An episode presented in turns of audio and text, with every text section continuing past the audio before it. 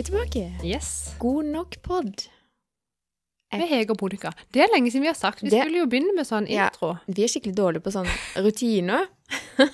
det er ikke for oss. Jeg er faktisk et eh, Altså, jeg, jeg har ikke rutiner annet enn de som går på autopilot, som vi, det vet jeg at jeg har. Men Mm. sånn eh, at jeg har innarbeida meg noe som dette skal jeg gjøre hver dag. Liksom, ta Mm. tran, pusse tennene. Klarer det ikke. Pusse tennene klarer du. Nei, det kan jeg glemme.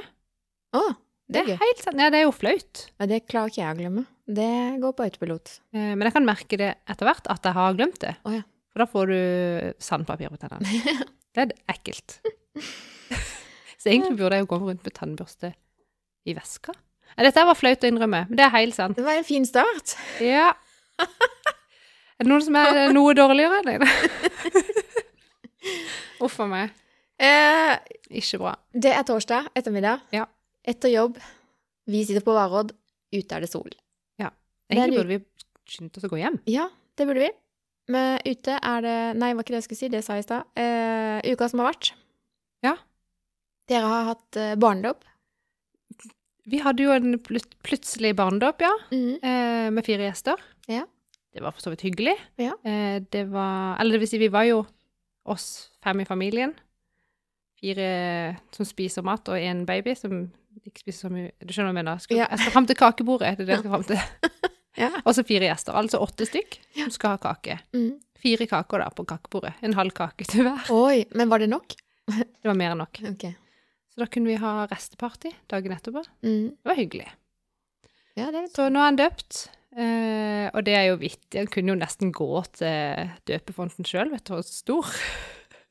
Pakka opp sine egne pakker. Ja, men så Jeg så jo noen bilder på Snap, da. Ja, Eh, det var jo skikkelig søtt. Og du i bunad.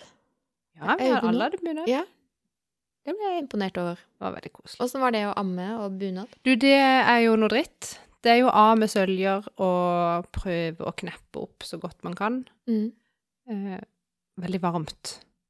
På ikke de På 17. på sånn. mai gikk det liksom greit, eh, for da var det ikke så varmt. Ja. Men nå i helga Det var, det var for varmt Ja. bunad. Men det skal dere ha at dere faktisk gjorde det, for det, det står det respekt av.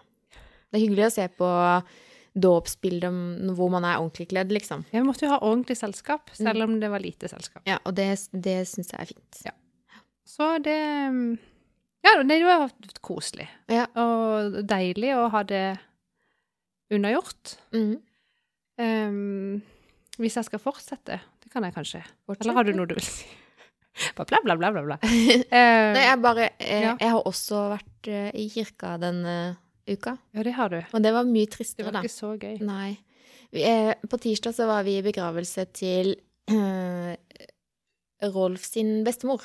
Altså oldemor til min barn, da.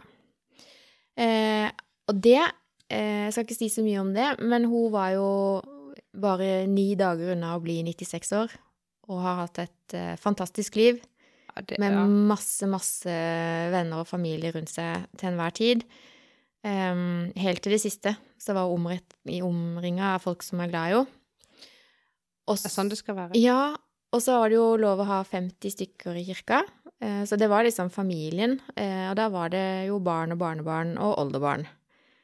Og jeg har aldri vært i en begravelse med så mange barn. Og det var så fint. Ja, det er faktisk litt deilig. Nå fikk jeg litt sånn frysninger. Det, Ja. Men jeg husker jeg satt der og tenkte dette er jo veldig spesielt. Jeg har aldri opplevd det før. Den denne bestemor da, Ingeborg, hun var jo kjent Altså alle ungene var liksom Å, nå kommer hun, da får vi Kvikk Lunsj. Kvikk Lunsj er liksom sånn Det var det første Susanne sa òg. Altså Å, ja, hvem skal vi få Kvikk Lunsj av nå, da? Eller sånn, Ja. skjønner du. Det var liksom Kvikk Lunsj sånn De to tinga henger sammen, da. Mm. Eh, og da var det faktisk et av disse oldebarna som eh, Vi kasta jo på roser på graven når vi sto ute der, og Kvikk Lunsj. Så hun fikk med seg det, da. det er helt konge. Ja, og det var liksom så Men det var så fint. Det var så god stemning, og det var ikke noe sånn Det var jo selvfølgelig trist, for man mister jo noe Ja, man ja, er veldig glad i, men det var likevel i hennes ånd, da. Masse barn, det var glede, det var sol, det var eh, Ja. Nei, det var en eh, veldig, veldig fin eh, begravelse. Så fint. Og der var det også vanvittig mye kaker etterpå. Jeg vet, jeg regnet ikke om det var en halv til hver, men det var mye kake. Nei, må, vi må ha kake. Jeg, jeg elsker kake. Og å ha barn rundt seg når man eh, har mista noen i familien, Mm. det er en sånn trøst i det, på en måte. Eller sånn Mm. Det gjør stemninga litt lettere. Ja. Og det kommer jo selvfølgelig an på alderen til barna og sånn og så videre, men det er akkurat noe med sånn OK, men livet går videre, og uansett hvor trist man kanskje er sjøl, eller sånn, så må du liksom være der for de. Mm. Um, nei, jeg vet ikke. Og så er setter noe de en sånn De setter et litt sånn annet perspektiv Ja, på det. ja. Og det var bare Nå skal jeg være forsiktig med hva jeg sier, men jeg tror det var bare de to aller yngste oldebarna som ikke var der. Uh, og ellers var det liksom Nei, det var Jeg syns det var så herlig. Ja. At de var der og fikk eh, liksom vist en sånn siste Nei. Ja, for, men det, jeg syns det, jeg det er veldig fint å ha med barn i begravelse. Mm. Men så har jeg jo møtt noen som er sånn Nei, skal du ha med barn i begravelse? Det gjør ikke de, for de skal liksom skåne Ja. barna Ja. for død. Ja. sånn For meg blir det veldig rart, for jeg tenker det er en så naturlig del av livet, da. Ja, vi spurte jo hva de hadde lyst til. Ja, men jeg, ikke, skal man tvinge, Ja. ikke tvinge de til å gå i begravelse, det er ikke det jeg mener, men um, men jeg har òg vært litt sånn at ja, skal man ha barn i begravelse? Er det lurt? Altså sånn, Ja. Jeg har tatt mange vurderinger på dette, men nå var det helt Altså det hadde vært helt utenkelig å ikke ha med seg barna nå, egentlig, fordi dette er eh, en person som har gjort eh, stort inntrykk på barna, som mm. ja, en fantastisk eh, dame. Um, og hun har hatt et godt liv. Det var ikke noe det var ikke noe skummelt eller noe usagt eller sånn. Det var liksom Mm. sånn nå skal vi bare ta farvel for siste gang. Jeg syns det var på høy tid at eh, de fikk oppleve det. De har Mm. ikke opplevd så veldig mye vondt, eh, heldigvis. Nei, heldigvis. Eh, så nei, det var Nei, jeg sy... Når jeg tenker på det nå i ettertid, så syns jeg bare Det ble altså, finere og finere, egentlig, det at det var barn der. Mm. Eh, som, og det var jo det hun elska. Hun elska jo sine barn og barnebarn og oldebarn. Mm. Hun var superstolt, så det kunne jo ikke blitt en Det var i hennes ånd, liksom. Så deilig. Ja. Nei, det er supertrist, uansett hvor eh, gammel eh, man er, eller sant, om det er aldri så eh, naturlig, og man har kanskje visst om det lenge, eller det, det er jo trist. Uansett. Ja, ja. Det var godt det lå papirtørklær i. Er du gal? Jeg hadde med meg noen, men jeg ble sånn ekstra glad når jeg så det lå noen ekstra på benken i kirka. Og jeg griner og griner og. Åh, det går jo ikke an. Det er krise. Ja, altså så sitter du liksom og kikker litt opp i taket og tenker ja, det skal gå fint dette her, og så kommer det liksom noen på talerstolen da som sier bare noe som du bare ja, Jeg vet det, men jeg, jeg griner av alt. Og så tenker jeg, det gjør ikke noe det, så glemmer jeg hvor snufsete jeg blir. Ja. Og det er sånn, det passer jo aldri å liksom, skjønner du, få dratt inn det snørret. Det blir så krise. Alle skjønner jo da. Men jeg vet hva du Men så mener. prøver du å ikke- gjøre det, og så til slutt så blir det sånn, nei, nå må jeg. Ja. ja, det er begrensa hvor lenge, liksom. Det er, ja. Huff Uff a meg. Nei ehm. Nei, men det er livets gang, da. Det er det. Fødsel og dåp, og så masse imellom, og så Ja. Mm. Det er så sant. Så det var liksom et helt liv på en uke, det. Nå kom jeg på en ting. Jeg skal bare skrive ned noe. Skal vi ha det i denne podden eller Ja, neste? kanskje. Jeg bare prøvde å finne det i stad, så fant jeg det ikke. Men nå kom jeg på det. Um, ja, nei, det er, det, det, er, det er mye å forholde seg til i livet. Det går opp og det går ned, og det er følelser, og det er Ja, det er i hvert fall helt sikkert. må vi bare ta det som kommer, og Ja. gjøre så godt vi kan. Det er det vi må. Jeg fikk smakt på kremanten din der på lørdag. Gjorde du det, ja? Jeg gjorde det. Nå er jeg spent. Eller jeg har jo Eh, sett at du delte video, forresten, men eh, si det en gang til. Ja, vi eh, hadde en liten utflukt på lørdagen. Vi skulle bare opp og si hei til noen hyttenaboer, og så gikk vi hjem. Da var ikke klokka så mye, men vi måtte få Susanne i seng, egentlig. Hun var litt trøtt. Og så fant jeg ut at kvelden er jo ennå ung, Ja, så nå skal jeg sprette den flaska med kremant. Så det gjorde jeg mens jeg blei filma. Jeg syns det var veldig mye futt i den korken. Den korken. spratt jo tre tomter lenger hen. det var helt vilt. Ja, det er det villeste. Jeg ble faktisk veldig overraska. Jeg har aldri fått det til å sprette sånn som det der. Nei, og så eh, Jeg husker ikke helt hvem som spurte om det, men det var noen som konkluderte med at jeg prøvde å skyte fugler, da. Det gjorde jeg altså ikke. Må ikke det. Nei. Ehm, nei, jeg smakte på den. Den var kjempegod. Eh, første tanken var liksom pæresider. Ja, jeg, for det hørte du sa det, så tenkte jeg må, da må jeg jo drikke den En gang en gang og tenke på det. Men jeg syns den var veldig god. Eh, og så jeg vi med Rolf et glass hver, og så gikk han ned for å se på noe film med Alexander, tror jeg, på hytta. Mm. Og så tenkte jeg, hva skal jeg gjøre nå, da? Jeg kan jo ikke sitte her og pimpe helt alene. Så da satt jeg på Jeg begynte på en ny serie på NRK Ja. eh, om en eh, mor som tar med barna sine og flytter til Korfu. Utrolig herlig serie. Og så eh, Husker du hva den heter? Nei, men det skal jeg finne etterpå. og så eh, Ja, så hadde jeg vel to glass da, før jeg sovna, rett og slett. Og jeg tror ikke jeg sovna fordi jeg drakk så mye, jeg var bare veldig, veldig trøtt. Ja. um, så jeg skulle jo gjerne ha drukket opp den flaska, men det er kanskje like greit at jeg ikke gjorde det. For man blir jo Ja. litt sånn susete i huet. Har bobler, altså. Ja, det merker jeg. Men jeg syns den var god, altså. Jeg kunne godt ha funnet på å kjøpe den, ja. Ja. Mm. Jeg syns òg den var veldig god. Jeg synes, men jeg syns som sagt veldig mange kremanter er gode. Og når jeg kjøpte den som du fikk, så hadde jeg ikke smakt den før. Eh, men det var altså den billigste kremanten på polet. Så jeg måtte bare se hvor kan han være god, den som er billigst? Ja. Og det var han jo definitivt. Jeg har nok smakt andre kremanter uten at jeg tenker at det er det jeg har drukket. Det kan godt være. Mm. Men eh, billig er mer enn godt nok. Det er det. Ja. Mye bedre enn champagne. Null stress. Ja, nei, jeg har aldri vært sånn fan av champagne, egentlig. Jeg har hatt det gode og fine en jeg syns er gode, tror jeg. Jeg er ikke så ofte jeg drikker champagne. Ikke jeg heller. Det er kanskje ute på restaurant. For da er det sånn når du kjøper og- ett glass champagne eller ett glass musserende, Ja. så skiller det ikke så sykt mange penger På et glass. glass. Så da kan jeg ta champagne. Eh, men jeg vet ikke om jeg syns det er så mye bedre. Svært sjeldent. Jeg kan ikke huske at jeg har bestilt champagne ute noen gang. Nei. Jeg husker en gang vi var og spiste med jobb, og så skulle vi ha sånn Det var, fem retter, eller en haug av retter iallfall, og vin til alt og sånn. Og så var det en som kom og spurte om han kunne få lov å bytte forretten sin og heller få østers, for det hadde han så lyst på. Og da var det sånn Nei, men da kan alle ha østers, det er gøy, liksom. Og så da fikk vi det Før forrett så var det østers, og da var det sånn Ja, skal dere ha champagne til østersen? Og de bare Ja, ja, ja. Skjønner du, det var bare ja til alt. Oi sann. Så da, det var ekte champagne og østers. Ja. Men da blir jeg sånn Det er jo litt oppskrytt, kanskje. Ja. At det liksom bare er fint og dyrt og kult. Det er jo ikke så godt. For hvis, øst, hvis østers hadde nærmest vært gratis, at det ble kasta etter deg på gata fordi de må bli kvitt det, liksom. Så hadde jeg jo ikke spist det. Nei. Det er jo bare fordi at det, er hausa opp og satt på en vanvittig pris, og det liksom skal være så vanskelig å få tak i, så koster det en formue. Ja. Og så legger de på at ja, men det har jo en eh, en eh, verdi med hensyn til eh, lyst, har det ikke det? Spiser man ikke litt sånn østers for at det Ja, nei. Er det sant? Det har jeg ikke hørt. Det er en annen podkast. det er en annen, en annen podkast. Vittig. Ja. Um, vi har mye på tapetet her, har Afrodisia vi ikke det? var vel kanskje det rette ordet som jeg er på jakt etter. Oh, ja. Skal det ikke være det? Vet ikke. Jeg tror det. Jeg kan litt lite om temaet. Østers og afrodisia? Begreller. Ja, okay.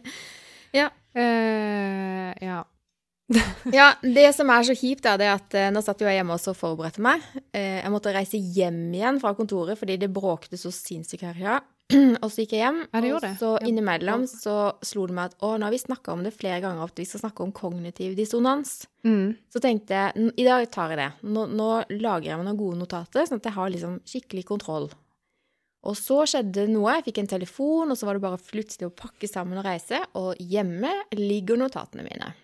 Det er sånn det er. Men eh, det er jo ikke så lenge siden jeg skrev de notatene, så nå tar jeg det litt på husken. Ja. Eh, og hvis jeg hører etterpå, når jeg hører podkasten, at her er det vanvittig mye tull og tøys, så skal jeg heller eh, skrive det som er riktig på bloggen. Ja. Kan vi ikke si det sånn? Kan du rette opp i det neste uke, eller Ja, sånn som neste år, eller kjempeflinke til. yes. Ja. Eh, men eh, du har sikkert opplevd å ha kognitiv dissonans. Helt sikkert. Eh, men jeg vet ikke hva det er. Bortsett fra at du har prøvd å forklare det til meg en gang før, men det, da sa du vi skal heller snakke om det på poden, så vi snakka egentlig ikke så mye om det, da. Ja. Det er altså et eh, psykologisk ubehag som oppstår når to tanker kommer i konflikt, altså handling og, og, og, og verdien, liksom. Hvis du tenker en ting, og så gjør du noe, så er det ikke samsvar mellom disse to kognitive elementene. Ja. Da oppstår det en eh, dissonans, altså et ubehag, vil du kjenne på da. Du vet at det er ikke lurt å fly, men du gjør det likevel. Mm. Det er kanskje ikke så smart å kjøre Tesla når du er imot eh, vindkraft på fjellet. Skjønner du? Det er mange sånne ting, da, som uh, Ja, liksom samme Du vet at det ikke er lurt å røyke, men du gjør det likevel. Det er det Hvis du googler kognitiv dissonans, da, så kommer det eksempelet med røyking opp. Ja, okay. Man vet så inderlig godt at dette er ikke sunt, uh, men man gjør det likevel. Det er ikke sammenheng mellom tanke og handling. Nei, men, eh, men er det noe med at man gjerne handler etter følelsen istedenfor fornuften? Eller har ikke det noe med saken å gjøre? Eh, det som er da, når det oppstår en dissonans, Ja. så er det strategier som følger. Du kan jo da velge Altså, du vil jo alltid søke å være i balanse. ja. Eh, så hvis Eller i komfortsona. Ja, kall det gjerne det, da. Eh, og for deg som er helt ekte, så er det jo veldig viktig, vil jeg anta, at det du tenker også gjennom Altså at det utspiller seg i handlinga di, da. At det er samsvar mellom handling og tankemåte. Ja. For mange så vil jo det være liksom det ultimate, å være helt ekte. ja. Det er lettest å stå inne for, iallfall. Ja. Syns jeg sjøl. Mm. Og det som er da, du, det er tre strategier når du opplever denne ubehaget. Så er det liksom tre strategier. Det, kan, det er sikkert flere òg, Ja. eh, basert på forskjellige teorier, da. Men det er at du kan jo da endre tankesettet ditt, Ja. eller du kan endre atferden. Ja. Eller så kan du tilføre en tanke. Eller så kan du bare bagatellisere det. Ja, jeg vet at ikke det er sunt å røyke, men. Driter i det, liksom. Ja, ja. Det er ikke sunt med sjokolade, men ja, sånn som han eh, læreren til hun Synnøve Skarbø gjorde. Han bare nekta å innse Han nekta å høre på at det var farlig å røyke, og så gjør han det likevel. Ja.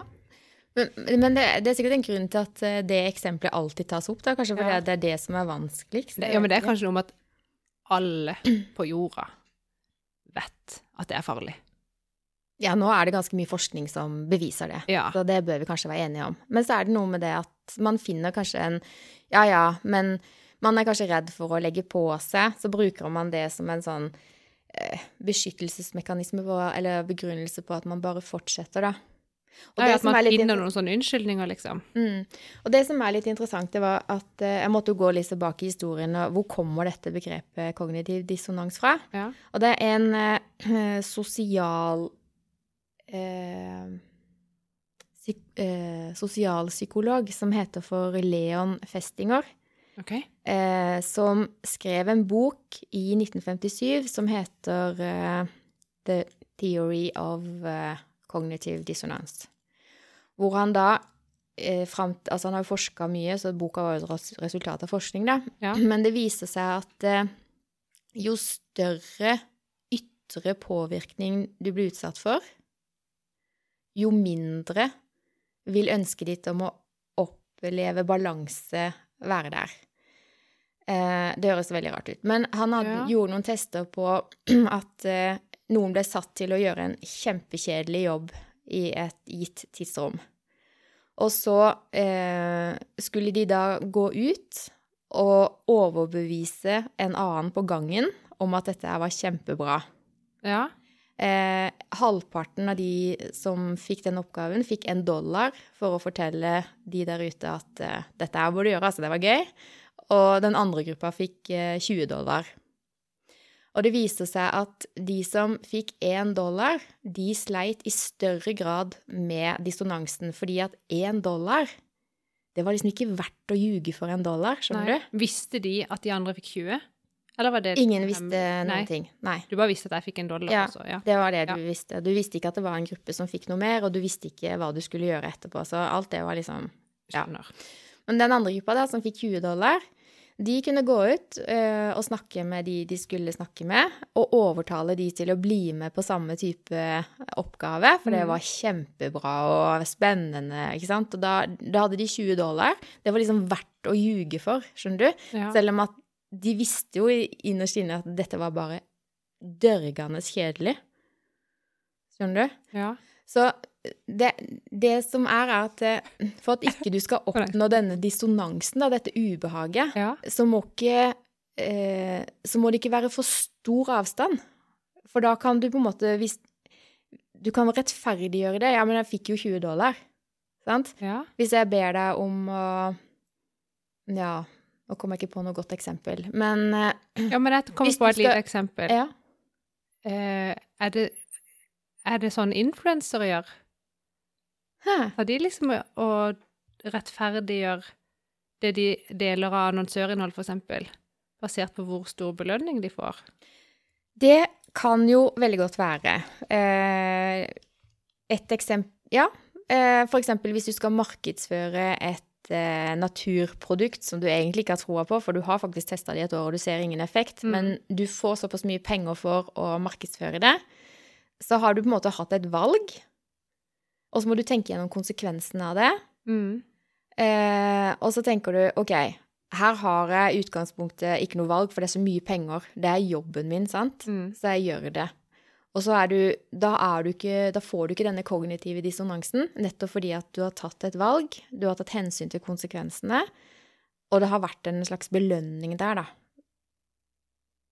Mm. Så kognitiv dissonans, det, det oppstår når du ikke har dette valget, og det er negative konsekvenser, da, eh, som er til stede. Andre alternativet som Jo, er jeg skjønner det.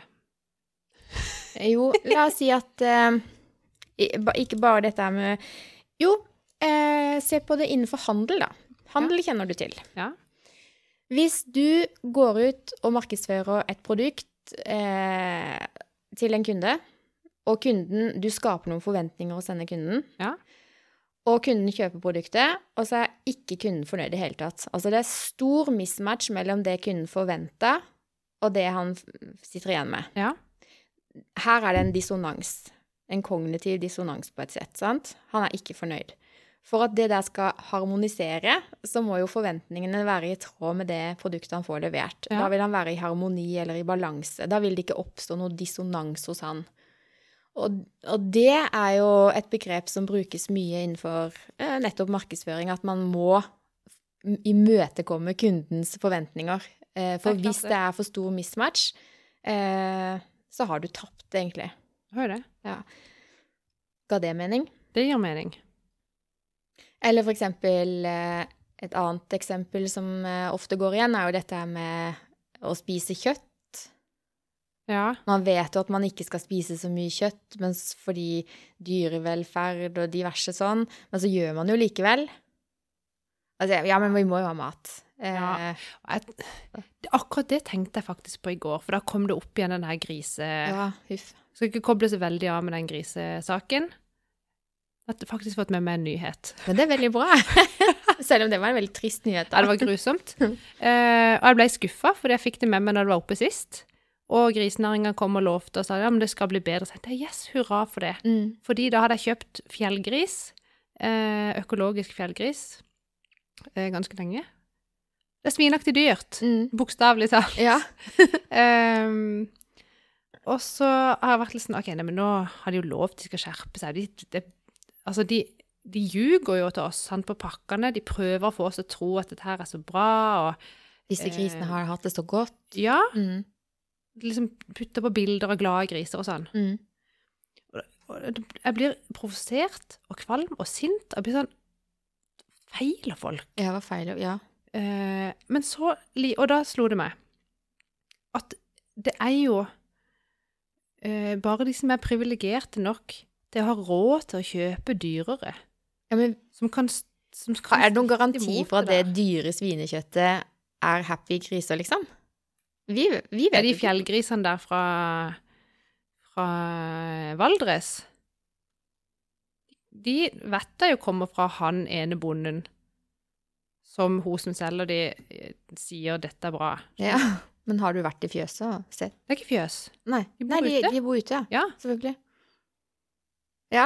Nei, jeg vet ikke. Nei, det, igjen, det handler om tillit. Vi må jo tro på de som Og jeg har jo trodd på Gilde. Men i lang tid nå så tipper jeg at veldig mange har hatt tillit til at når de kjøper eh, svinekjøtt merka med norsk, Nyt Norge, Ja. whatever, så er det kvalitet, og grisene har hatt det bra. Ja. Og så viser det seg nå at nei. Det er bullshit. Ja. Og da um, Men så likevel så, Skal man da sier, ikke kjøpe det? Nei, så, så tenker jeg da Jeg skal aldri kjøpe det igjen. Mm. Men til syvende og sist så er det jo lommeboka som bestemmer. Ja. Og så kan du si ja, men du trenger ikke å spise kjøtt, kan du finne på noe annet.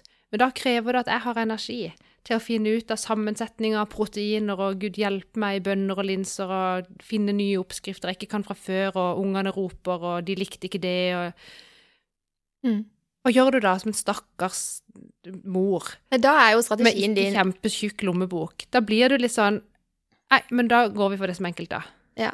Men da, han, altså, da handler du dette kjøttet likevel, eh, og så har du tilført noen tanker som gjør at du liksom endrer holdninga Eller ikke, du endrer ikke holdninga fordi at du er fortsatt imot måten disse grisene Ja. blir behandla på, men du endrer holdninga og tenker at ja, det er skikkelig dritt at disse grisene ikke blir behandla pent, men familien min må ha mat, og den prisen har vi råd til å betale. Ikke sant? Så lager du deg noen tanker rundt dette her for å få balansert denne dissonansen, da? Ja, og jeg skal jo innrømme at jeg har jo ikke kjøpt svinekjøtt etter den reportasjen. Nei, det har ikke jeg heller. Men så er det, vet jeg jo, ok, om en måned, så har man glemt det litt. Og så Sånn. tenker man sånn, nei, nå må de jo skjerpe seg. Mm. Nå har de jo fått passe på skrevet to ganger. Men hva ganger. kjøper du istedenfor? Nei, da øh, Hva har jeg kjøpt? Jeg har kjøpt kylling, som ikke er noe bedre. Men jeg skulle til å si Det det, er iallfall ikke noe bra. Nei, for vi vet jo ikke at alle kyllingene har det bra heller. Men egentlig, lyst, jeg, egentlig så har jeg bare lyst til å kjøpe økologisk kjøtt. Men det er Mm. det som er poenget mitt.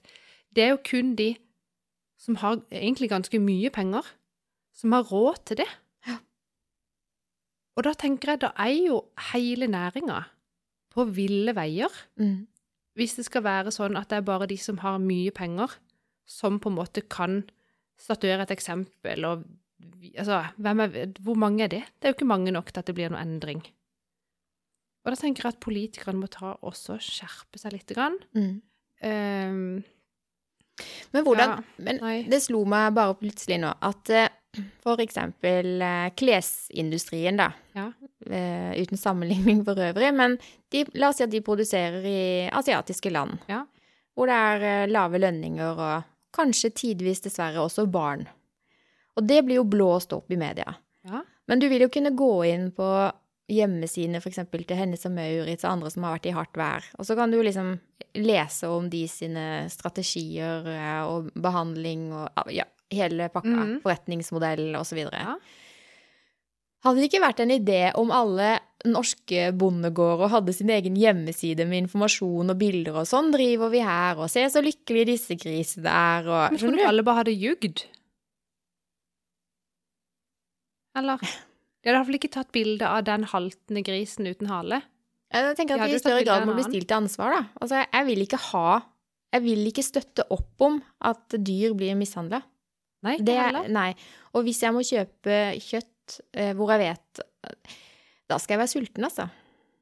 Nå kjøper jo ikke jeg svinekjøtt fordi at det har ingenting med behandling å gjøre, eller religion, eller noe som helst. Jeg bare fikk en sånn aversjon mot svinekjøtt når jeg gikk gravid, og jeg klarer ikke Jeg klarer det liksom når jeg vet at det er gjemt i en pølse, eller Skjønner du? Eh, men jeg kjøper ikke kjøttdeig, jeg kjøper karbonadedeig. Altså, jeg leser på pakka er det svin her, og hvis jeg må ha pølser med litt svin, så altså, jeg kan leve med det, jeg må bare Ja. tenke på noe annet. Men Bacon kan du ha. Ja, men jeg sliter fortsatt eh, med det, faktisk. Ja. Mm. Jeg, jeg, akkurat Jeg syns kjøtt og mat er så vanskelig, og jeg syns eh, det, det er jo en fulltidsjobb å forstå hva som er greit å kjøpe, hva er ikke greit å kjøpe. Eh, og alle disse her veganske og vegetariske alternativene til kjøtt som kommer opp. Ja. Eh, det er sånn, ja, da går det bra med dyrene, Mm. men det går ikke bra med regnskogen. Nei. Soya, for eksempel. Mm. Kjempemonster. Ja da. Eh, nå hørte jeg jo sist liksom også at eh, all den avokadoen vi plutselig At jeg blir Ja, hypa opp at alle skal spise. Mm. Og det er jo knalldyrt. Ja, det er det òg. Men det blir billigere og billigere, for folk skal ha det og vil ha det billig. Eh, og så bare tar vi for oss av naturressursene i andre deler av verden, for at vi her oppe i nord skal spise eksotiske grønnsaker eh, og hive halvparten av det i søpla, for det ble eh, råttent. Mm. Og Her, her er det mange. Nei, men her, nå er du inne i sånn hverdagslig kognitiv dissonansproblematikk. Eh, fordi vi har lyst til å ha det, det er tilgjengelig, men opphavet eh, er ikke greit. er det er ikke det. Nei. Og så, hva, hva gjør du da? Bare endrer du tanken du har om det, liksom? Altså holdninga di til dette her? Eller endrer du handling? Altså slutter du å kjøpe det? Jeg kjøper jeg, Da blir jeg sånn OK, jeg må kjøpe det med måte. Da blir jeg sånn. Mm. Finner noe sånn midt imellom. sånn gyllen middelvei som jeg tror da er litt Da har jeg Ja. gjort litt, men jeg har jo ikke det. Eh, men det er sånn som avokado. Da er det sånn fordi dattera mi elsker det, så hvis hun spør, så kjøper vi det. Og når vi skal ha taco, så kjøper jeg det. Mm. Men jeg kjenner at jeg blir, sånn, jeg blir glad nå hvis jeg står eksempel og ser på to alternativer i butikken, og, hvor, og på den ene pakka, eller boksen eller posen, så Ja. står det eh, 'ikke benyttet palmeolje', så går jeg for den, selv om den er dyrere. Jeg har bare fått det for meg at Men det er jo ikke sikkert det er palmeolje i den andre heller. jeg vet! Jeg sjekker jo ikke det. Nei. For det, det er sånn eh, For eksempel, for nå kjøper jo jeg babygrøt. Mm. Eh, og så er det så mange sånne pakker som liksom de har stempla på sånn glutenfritt. Ja. Liksom blåser opp at det er glutenfritt. Mm. Og det er sånn Og til sist var en risgrøt med gluten. Det er jo ikke Eh. gluten i ris. Skjønner du? Men så så- putter de på sånn stempel som skal Fordi alle skal liksom spise glutenfritt, for det er så hipt og sunt og Rart ikke det står på kaffen. Det står sikkert på kaffen. Glutenfri kaffe. Yay! Jo, det er sånn. Og da blir jeg sånn da, da blir jeg provosert av at matbransjen er sånn Folk er pinse dumme, vi kan lure dem til hva som helst. Mm. Og så blir jeg sånn Jeg kan, føler jeg, jeg kan ikke stole på noen. Da blir jeg sånn. Og så blir jeg sånn OK, men nå er jeg så i villrede, jeg vet ikke hva jeg skal gjøre. Da, Mm. Så resignerer jeg, og så blir jeg sånn OK, drit i det. Da ble det Nugatti, det er sikkert sunt og godt og Skjønner du? Jeg blir sånn Men er det noen ting eh, Der står det jo ikke palmeolje. Riktig. Er det noen ting du har rett og slett endra handling på, da? Som, altså, som ikke du gjør, eller ikke kjøper, eller Er det noen ting sånn? Ja, jeg kjøper utelukkende økologisk egg. Ja. Og hva med kylling, da? Eh, Jeg har lyst til å kjøpe økologisk kylling. Har ikke råd. Kan ikke du ha kylling i hagen? Men da spiser jeg sjeldnere kylling enn folk flest, tror jeg. Ja. Ja. Eh, Der går jeg på en smell ganske ofte, for familien vår eh, spiser mye kylling. mm. Eh, og de har sikkert ikke hatt det så fint. Og så spiser vi mye laks, som garantert er oppdrettslaks, som heller sikkert ikke har det så veldig fint. Jeg vet ikke hvorvidt en fisk det er, det er rart hvordan jeg tenker at en fisk har mindre følelser enn en kylling. Men det er der igjen. Vi tar jo valg ut ifra noen sånne ting som vi sjøl føler inni oss sjøl, som ikke nødvendigvis henger sammen med virkeligheten. Ja.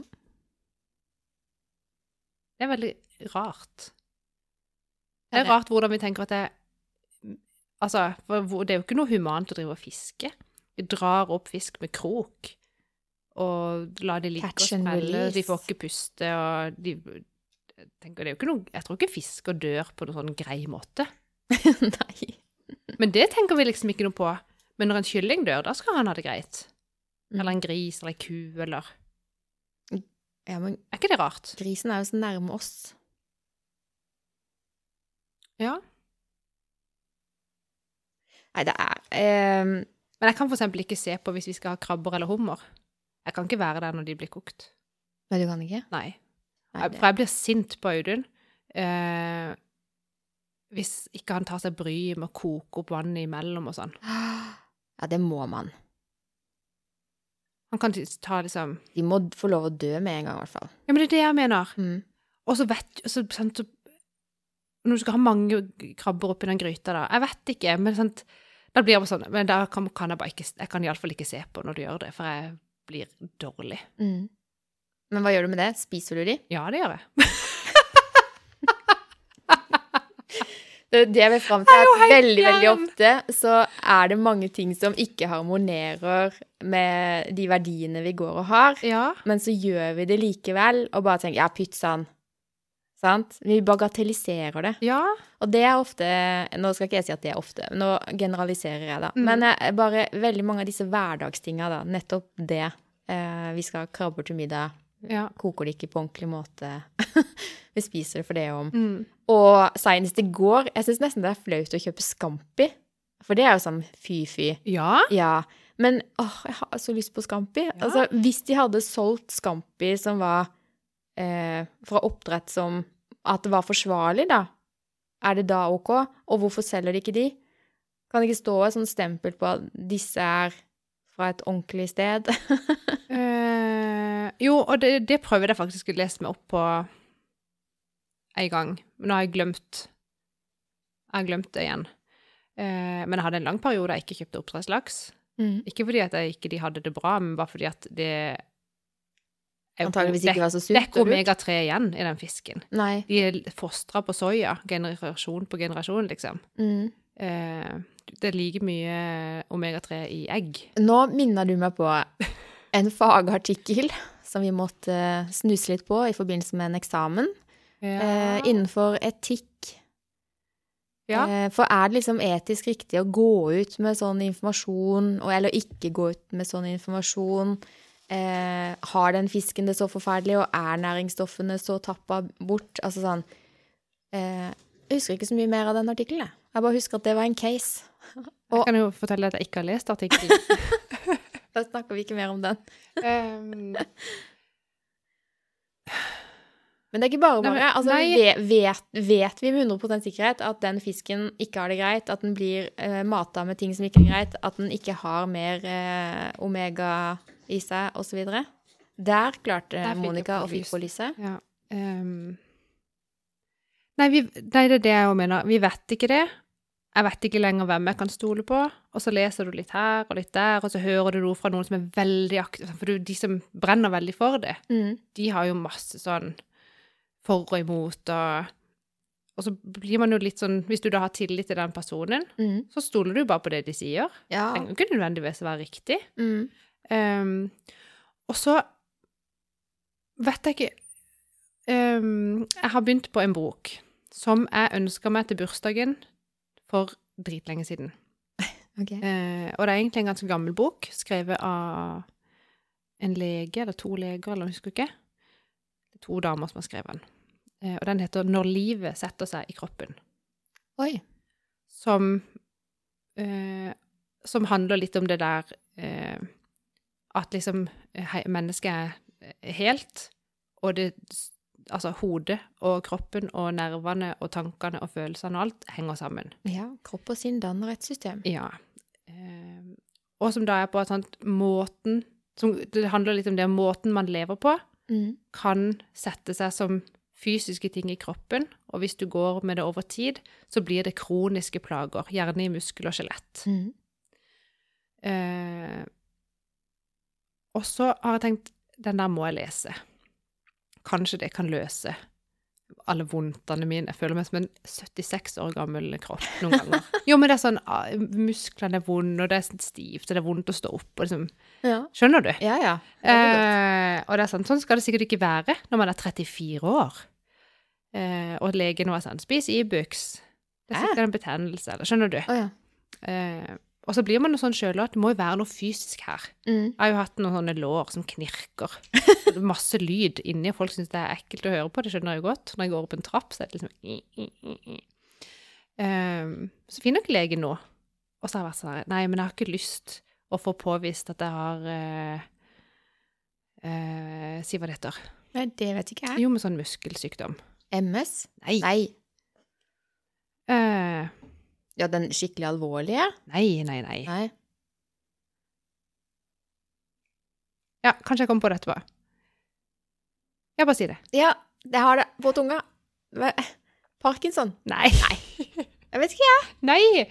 Jeg mener den som er sånn Du kan ikke bevise en dritt, men du har vondt. Så da er det sikkert dette. Og du blir testa for masse Samme det. Poenget er det er en sykdom du ikke får gjort noe med. Og da tenker jeg det er vært bra for uh, helseforsikringa, vet ikke hva, og at det står at man har en eller annen sykdom som du likevel ikke kan fikse. Da kan liksom bare slutte å grave og leite. Mm. Så ønsker jeg meg den boka, det var det jeg egentlig skulle si. Sant? Og skal jeg lese den boka, kanskje det kan finne noe svar. Snakker vi om fibromyalgi? Ja! oh, ja. ja. Fibromyalgi. Ja. Takk. Tusen takk. um, og så vet jeg at hvis jeg gjør yoga, så blir det bedre. Så allikevel gjør Der har du, de, der har du det! Jeg burde gjøre yoga. Ja. Gjør det ikke. Nei. Sant? Eh, men så har jeg utsatt eh, Hva sa du? Ja, Hvorfor gjør du det ikke? jeg glemmer det. Eh, har ikke tid akkurat da. Eh, da må jeg skifte, det er stress. Tusen unnskyldninger. Ja. Tusen veldig gode, dårlige unnskyldninger. Ja. Eh, men den, så fikk jeg den boka Mm. som ønska meg. Så har jeg utsatt å lese den, og så nå har jeg begynt på den. Og jeg har hatt den halvannet år, to år, jeg vet ikke, lenge. Um, og så blir det sånn Er det fordi jeg ikke har lyst å vite Eller er det kanskje fordi at jeg ikke har lyst til å innse at jeg lever på en usunn måte? At jeg driver kroppen min Til for vanvidd? hardt? Eller, skjønner du? At jeg fordi da vet jeg at jeg må gjøre noe med det, eller at jeg må innrømme at ja, men nå har du gjort det i hele ditt voksne liv, Monica, så har du ødelagt deg sjøl. Akkurat som jeg ikke har lyst, kanskje ikke har lyst på det svaret. Mm. Så har jeg gått hele tida trodd men det er kostholdet mitt. Jeg må endre kosthold, og jeg må sove mer. Mm. Da blir det sikkert kjempebra. Mm. Og så med all den forskninga og det som vi hørte med sant, han Ronny, Ronny Brede Aase, sant, som Ja. en kalori er ikke en kalori, eh, noen reagerer på gluten sånn, og noen sånn, og, og så videre. Så tenker jeg, kanskje ikke det handler om kostholdet.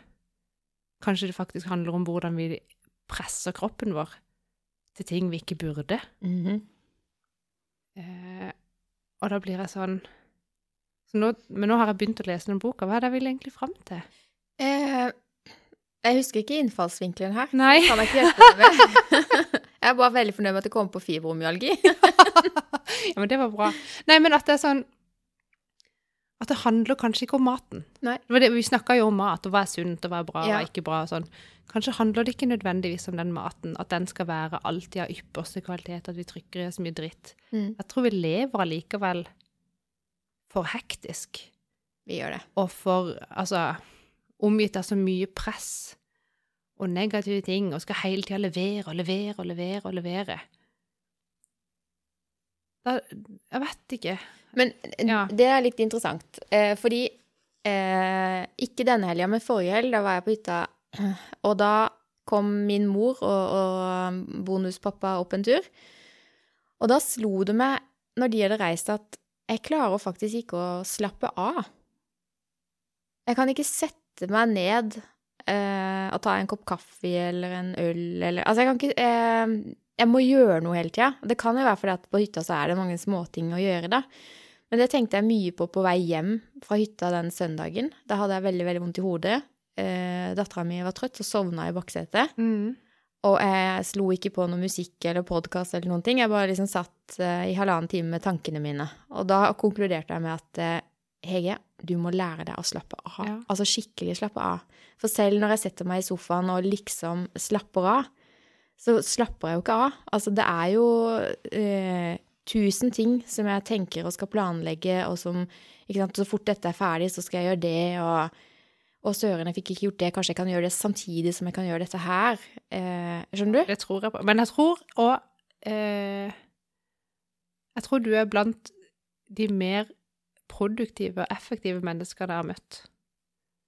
Oi, det er Ja. et kompliment. Er det det? Jeg vet ikke om det er sant, men jeg tar det til meg, for jeg Jo, tenkte det akkurat nå. Øh, jo, det er, det et, et slags kompliment. Fordi det er jo sykt imponerende å klare å, å ha en sånn drive, på en måte. Men så tenker jeg samtidig at du har nok godt av å eh, la det ligge av og til. Ja. Nå kan jeg jo innrømme det at eh, i 2011, januar 2012 faktisk, Ja. ikke 11, men 12, da fikk jeg eh, diagnosen fibromyalgi.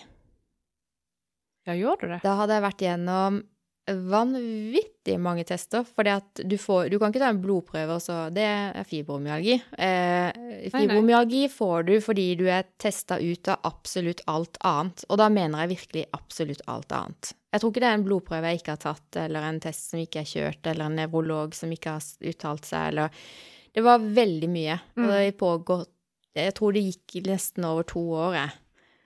Um, og så fikk jeg den diagnosen, så tenkte jeg FUCK, det er noe dritt å ha med seg videre. Ja, det var det jeg òg tenkte. Eh, men jeg tenkte OK Jeg eh, tenkte jeg bare stopper og leiter. Ja, altså jeg sånn der, jeg gidder egentlig ikke ha den diagnosen, men nå er den jo satt der. Eh, jeg får den ikke vekk. Da må jeg kanskje bytte lege og få saken opp til behandling på nytt, skjønner Ja, du? Går er an? An jeg anker denne diagnosen. det var digg. Ja, men så er det sånn derre, OK Um, Hvor mange ting skal jeg da skylde på er fibromyalgi? For det er sånn, hvis jeg får vondt her eller vondt der, skal jeg bare tenke å ja, men det er sikkert på grunn av fibromyalgi. Eh, det er veldig fort at jeg tenker sånn. Mm. Det, det forstår jeg. Og nå eh, har jeg en prolaps i ryggen, og den ble jo dokumentert eh, i forbindelse med utredning av fibromyalgi. Ja. Eh, Men en den- prolaps er jo synlig. En prolaps er veldig synlig. Ja. Eh, da var jeg for ung til å få operasjon. ja, så det var en positiv greie. Så du har bare gått med det? Ja, og jeg kjenner jo det at noen dager, sånn som i går, da er nedfortelling, altså. Da er det Ibux som gjelder. Eh, Da er det Ibux som gjelder, og så sjauer du videre? Kombinasjonen av de to Ja, igjen, de, de, det, må jo være kognitiv dissonans. Jeg må slappe av meg, for nå har jeg så sykt vondt i ryggen. Men hva gjør jeg? Jo, jeg ommøblerer på kontoret og flytter på sykt tunge eh, bokhyller. Det var lurt. Det var ikke så veldig lurt, Veldig lurt. Nei, så det endte med at jeg lå eh, den kvelden i smerter, egentlig. Um, nei, så det er ting man gjør som ikke henger sammen med det man vet man burde gjøre. Ja. Mm. Men det er vanskelig å vite hva man burde gjøre. Eh, det var ikke spesielt vanskelig å vite at dette bør jeg ikke gjøre alene. akkurat de bokhyllene kunne du spart deg for. Men jeg visste at det måtte gjøres, og jeg måtte gjøre det da. Jeg kan ikke gjøre det i dag, for i dag skal jeg spille podkast, i morgen skal jeg dit, sant. Så Ja. alt må passe inn. Apropos, i går skulle jo jeg egentlig feire. Hva tror du jeg feira litt for meg sjøl i går? Har du fått eksamenskarakteren? Det har jeg. Fikk du A? Nei. Å nei. Fikk du B? Ja. Men nå ødela Kan jeg spole tilbake? spole tilbake. Jeg trenger en tidsmaskin. OK. Nå, Det er jo helt rått. ja, altså eh, For det det faget du har tatt, når jeg tok det, Ja. ingen fikk A. Men det var det han sa. Ja, Her og nesten det- ingen fikk B. Eh, og det var sykt strengt. Ja. Det var sykt Og det var jo det de sa til oss. Ja. Så at eh, når det var tre A-er blant de kullet mitt Å, wow. Ja, det sier jeg, ja. Ja. Tre stykk. Og så var det eh, Nå husker jeg ikke eh, De var veldig fordelt resten på, A, nei, på B og C. Ja. Ingen D-er. Så det var bare A og B og C som var gitt. Ja. Eh, men at tre stykker fikk A, eh, ut Ja, fra det han sa at uh, jeg- det- dere kommer ikke til å få Altså, det skal så mye til. Altså, det var jo det han sa. Ja. Så når jeg fikk denne B-en, så uh, jeg må si jeg er superfornøyd. ja, det skal det være. Eh, og jeg fikk jo beskjed før jeg sto opp, egentlig, for da var du en av de der på kollokviegruppa mi, Ja. superteamet, som sendte melding og, og gratulerte. Ikke at de kan se karakterene, men de, var, alle gjorde det jo bra uansett. Så, det, ja, riktig. Ja, så jeg visste jo det allerede før jeg pussa tenner den morgenen, at jeg hadde fått en B. Så det var gøy. Så da bestemte jeg meg for at eh, når jeg har rydda Shina-huset, så skal jeg feire. Men det endte jo med at jeg da lå vannrett med Ibux. Og så begynte jo medisinen å virke. Så tenkte jeg igjen, FUCK, nå åpner jeg min IPA eh, Mango Light. 70% færre kalorier enn en vanlig Ja, den så veldig god ut. Kjempegod. Så koste jeg meg med den, også med den der serien min. Og så gikk jeg la meg. Så jeg fikk feire, Fikk feira på et vis. på et vis. Ja, men du kan feire i dag, eller i morgen, eller jeg flere dager. Ja, jeg kan feire flere dager. Null stress. Åh, Nei, men Ja. det var litt digg eh, å få en B. Jeg kjente det. At Ja. jeg, hadde, jeg hadde eh, trodd jeg skulle få en C. Det må jeg være helt ærlig på. Fordi at eh, det er jo som jeg Du vet, når jeg skal sitte og skrive, så surrer jeg jo så utrolig. Ja. Og så skriver jeg noen stikkord, og så glemmer jeg å fylle de ut. Men denne sensoren har sikkert skjønt at eh, hun kommer sikkert tilbake til det, hun bare ikke får tid, for den ble jo slukt. Ja, det, sånn er det med meg òg. Ja. Ah, ja. Men nå er det over. Eh, og det, det som er gøy nå, det var at det kom et spørsmål fra en av den andre gruppa at eh, ja, har dere vurdert å ta noen flere av disse kursene, og de var jo så bra, og Nei, jeg sykler Du har litt ikke på meldt deg på? Nei, jeg har ikke det. Men jeg sykler litt på det der eh, studiet med konflikthåndtering på jobb, da. Der er Ja, det sykt mye ut. teori, tror jeg. Men eh, det, det frister litt. Jeg syns det virker veldig spennende, det der eh, som gikk på litt mer sånn praktisk tilnærming til endringsagent. Ja. Men det var jo større. Var det det store kurs på 30 studiepoeng? Ja, så kosta det jo 50 000 kroner Ja. å være med. Jeg bare, det skjer ikke. Det, nei, men det er jo det, Men det er 30 studiepoeng, da. Ja, så det skjer ikke. Orker ikke. Det er for mye. Nei, jeg har ikke Um, meldt meg på. Og jeg har jo lovt meg selv og andre rundt meg at jeg ikke skal gjøre det. Men nå begynner jeg å få litt sånn abstinenser. Hva skal jeg gjøre? Hva skal jeg bruke de 200 timene Altså, i, i denne våren så har jeg brukt 200 timer, og sikkert mer. Skal jeg si det? Ja. Du kan slappe av litt. Ja, men jeg får jo ikke det til. Jo, du må øve. Fins det studiepoeng i hvordan slappe av? Nei, men det fins apper. Slap off. Slap off. Piss Ja. off, som min far ville sagt. Det. det er veldig gøy. Um, nei, men apropos sant, For du sier ja, men det måtte gjøres. For Mm. der uh, Og det er sånn, jeg har sånn indre konflikt i meg sjøl som gjør at jeg da blir jeg, får jeg sånn uro i kroppen. Eh, for jeg har jo fortalt om alt det vi skal gjøre hjemme. Mm. Og det skal ordnes, og det skal fikses, og det skal ryddes, og det skal vaskes, og det skal males, og det skal ditt og datt, for vi har bestemt vi skal leie ut huset. Sant? Ja.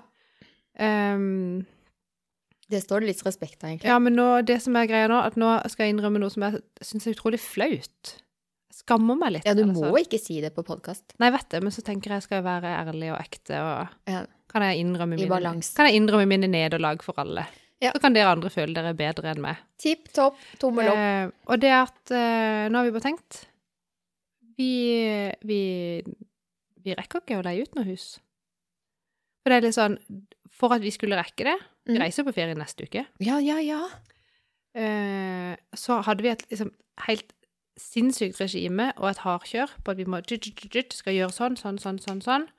Uh, OK, har vi barn, ja? Nei, dere får bare gå på lut og kaldt vann og klare dere sjøl, for vi skal male, og vi skal ordne, og vi skal ditt, og vi skal datt. Og sånn, det blir sånn Og så går ikke ting alltid etter planen.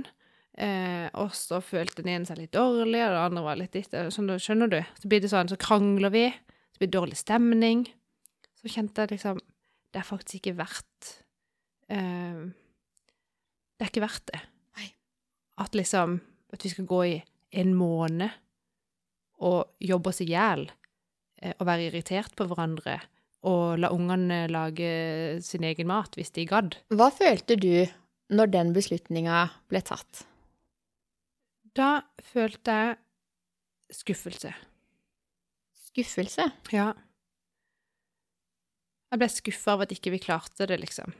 Vi hadde jo lovt hverandre at nå i år skal vi endelig rydde opp, for vårt hus har gått Huset vårt det har gått på lutekaldt kaldt vann i mange år. Ser jo ikke ut. Men har jo jobb og barn, liksom. Ja. Ja, det sier du? Eh, Ordner og tørker og støv og holder på. Ja, ja, men huset får ikke noe maling. Nei. Nei, men sånn så er det alltid, alltid et eller annet. Da var vi sånn Vet du, det er ikke verdt det. Eh, hvis ikke vi rekker å leie ut huset, nei vel, så gjør vi ikke det. Vi, kan, vi må kose oss mens vi kan, og gjøre ting Altså gjøre det beste ut av det. Selvfølgelig skal ikke la huset forfalle, men Så da bestemte vi vi gjør ting i litt sånn eh, lavere tempo. Da blir det ikke utleie i år heller, for vi greide faktisk ikke å male og rydde og gjøre det vi skulle. Eh, og så har vi utsatt ting. Vi er jo eksperter på det. Um, Men kjenner du fortsatt på denne skuffelsen, eller har den følelsen endra seg litt? Skuffelsen har gått litt over, men det er, det er liksom Er det skuffelsen at du ikke har liksom får til å leie ut, eller er det skuffelsen over at eh, måten Ja, altså måten dere ikke kom i havn på, eller er det, Ja, det er at dere ikke får pengene? vi-? Det er jo, for det er jo pengene som gjør at vi har lyst til å leie ut. Ja. Eh, det hadde vært veldig digg å ha de pengene ekstra. Mm. Og så hadde det vært sykt digg å bo i et hus som var litt ordentlig, og som var litt ryddig. Det var- hadde vært en sånn skikkelig bonus til at, at det her var sånn Du vet, når du får besøk, så blir du liksom pressa til å liksom rydde unna før besøket kommer. mm. Det er jo ikke sånn fordi du, det, og da kjenner jeg iallfall jeg på at det er ikke egentlig fordi jeg må, må rydde fordi det kommer noen, men det er bare sånn en kjempegod unnskyldning for å faktisk få unna Unna litt noe, grann da. Og sånn var det nå. Det var sånn, ok, endelig, det her nå har vi en kjempegod mulighet til å liksom komme à jour med alt rælet vi har i huset. Og så, så blir det ikke da. Det var sånn, åh, så er det litt flaut når de liksom, ja, nå skal vi det. Og så, nei, vi fikk det ikke til. Nei, Ja. altså, det tenker ikke jeg nå. Jeg kjenner at eh, Jeg fikk en sånn ro i kroppen jeg, når du sa at ikke det ble utleie. For det, eh, dere har jo eh, travle dager. Jeg har liksom nettopp kjøpt hytte, vært der ganske mange ganger. Eh, Ting må jo liksom gjøres. Dere har jo stått i med vaskerommet, og dere har jo en liten baby. Ja, vet det. Eh, så for meg så tenker jeg sånn OK, så tok dere til fornuften, da, og slapper av. ja. Så det blir ikke, men vi prøver, vi har jo likevel en plan om hva vi skal gjøre. Ja. Og at nå gjør vi det i litt saktere tempo. Ja. Og så er det noen ting som har blitt utsatt litt lenge. Eksempel at vi skulle sette inn et vindu ja. i, eh, i kjelleren, Ja. kjellerstua. Eh, som da er i grunnmuren på huset. Altså leka. Og jeg var litt sånn, åssen i all verden sånn når jeg ikke får du et firkanta høl i den leka-greia der. Jeg, så, jeg skjønte ikke hvor jeg skulle begynne engang. For å liksom meisle et hull gjennom der. Audun bare 'Det er null stress. Bare si hvor du skal ha det, du.' Jeg bare 'Ja, greit'. Og vi målte opp og ordna og styrte, så går Audun ut Nei, så kommer Audun og sier «Eh, 'Ja, det var 100 cm breit og 90 høyt'. Så nei. eh, jeg mener at jeg bestilte et vindu som var høyere enn det var breit. Det må jo være motsatt. Vi er jo enige om at den der metallgreia på vinduet skal være nedover. Ja, det er vi enige om. Så men vi må gå ut og sjekke igjen, da. Så kanskje vi har fått feil, eller vi må i hvert fall være sikre her. Og vi er ute igjen i garasjen, måler på det vinduet, sier han ja, det er 90 breit. Jeg bare ja, det var det jeg sa. 90 breit, 100 høyt. Så kom, forvirringa er komplett, sant? Mhm. Så var vi enige, og så går vi, og så tegner vi opp eh, hvor vinduet skal være. Og så neste dag, altså i går, så går jeg på jobb. Eh, min svigermor kommer på besøk for å passe nordmann, mens min svigerfar er der for å hjelpe Audun å lage dette fordømrede hullet i veggen. Så ringer jeg Nei, så ringer Audun til meg. Og her er det også sånn. Her, du, nå får du åssen det er, liksom. Så ringer Audun til meg. 'Kommer du hjem snart, eller?' Ja, jeg, liksom, jeg liksom går ut i bilen akkurat nå. Da gikk jeg fra kontoret ikke så seint, men liksom noen minutter over fire, da. Eh, ja, for Annemik skal i bursdag, hun har ikke noen truser. Kan du stoppe og kjøpe? Det er tomt. Det er alle skitne, alle til vask. Ja uh, Og så han Ja, hva skal vi ha til middag? sier han til meg. Bare ikke ring til meg. Du sier at jeg skal ordne middag. For da var han sånn Vi må jo ha noe mat til alle. Sånn, for da var jo svigers der og hjalp til. Vi måtte jo gi dem mat. Ja. Jeg var sånn Kan jeg bare liksom få lov å komme hjem? Altså, litt, ble jeg litt irritert. Og så tenkte jeg ok, nå må jeg bare få snakka ferdig, for da blir det sånn, jeg må snakke om det. Og bli ferdig med det. Og han bare sånn Du, jeg må faktisk få lagd det hullet. Jeg bare Ja, men så, så ble det sånn Så gikk han for å ordne det der hølet. Han hadde ikke tid til å snakke med meg i telefonen. Så jeg bare stoppa og kjøpte eh, truser og is. Og så kjøpte jeg en, is, en pinne som jeg spiste med en gang i bilen. Tenkte det fortjente. Så kommer jeg hjem. Ikke troika. Ikke troika. Jeg kjøpte lakrisis. Veldig god. Unnskyld. Ja. Eh, så kommer jeg hjem. Så sitter svigers på terrassen, og Audun ligger på solsenga. Jeg bare hva, dri hva driver du med? Skulle ikke du lage hull i veggen? Ikke snakk til meg. Hva var det? Nei, det vil du ikke vite. Jeg bare, bare, Nå må du faktisk bare si det. Så har han sagd, eller sagd, skåret opp og meisla ut 100 cm breit, 90 cm høyt. Jeg bare Går, går det an? Jeg vil ikke ha 10 cm hull i grunnmuren. Og ble, og ble så fortvila, og han var sinna, og jeg var irritert. Jeg bare Det var det jeg sa, vi skulle hatt en håndverker! Altså, uhell kan skje, da. Kan er dere, kjøpe, kan dere bytte vindu? Nei, jeg har jo bare tatt veldig mye byggskum. Å ja. Det kommer til å ordne seg. Det kommer til å ordne seg. Men sånn er livet vårt hver dag. Vi går på en eller annen sånn smell Ja. og får noen kjepper i hjulene og Hvorfor kan ikke ting bare gå litt sånn på skinner? Jeg tror man rusher ting for mye. Jeg tenkte på det, Ja, det det alt det surret mitt i dag. Ja. Det må jo bero på at jeg- rusher ting for mye. Altså at det liksom Husk det, husk, husk, husk, husk, husk, så eh, da, Det går jo ikke. Nei. Det er begrensa for hvor mye kroppen skal gidde å tåle, da. Ja. Det, ja, men det, så det var derfor jeg tenkte sånn vi, vi lever Vi lever et liv som gjør at vi får vondt. Ja. Og kroppen sier stopp, Nok er nok. Ja. slapp av, Mm. legg deg ned, pust ordentlig.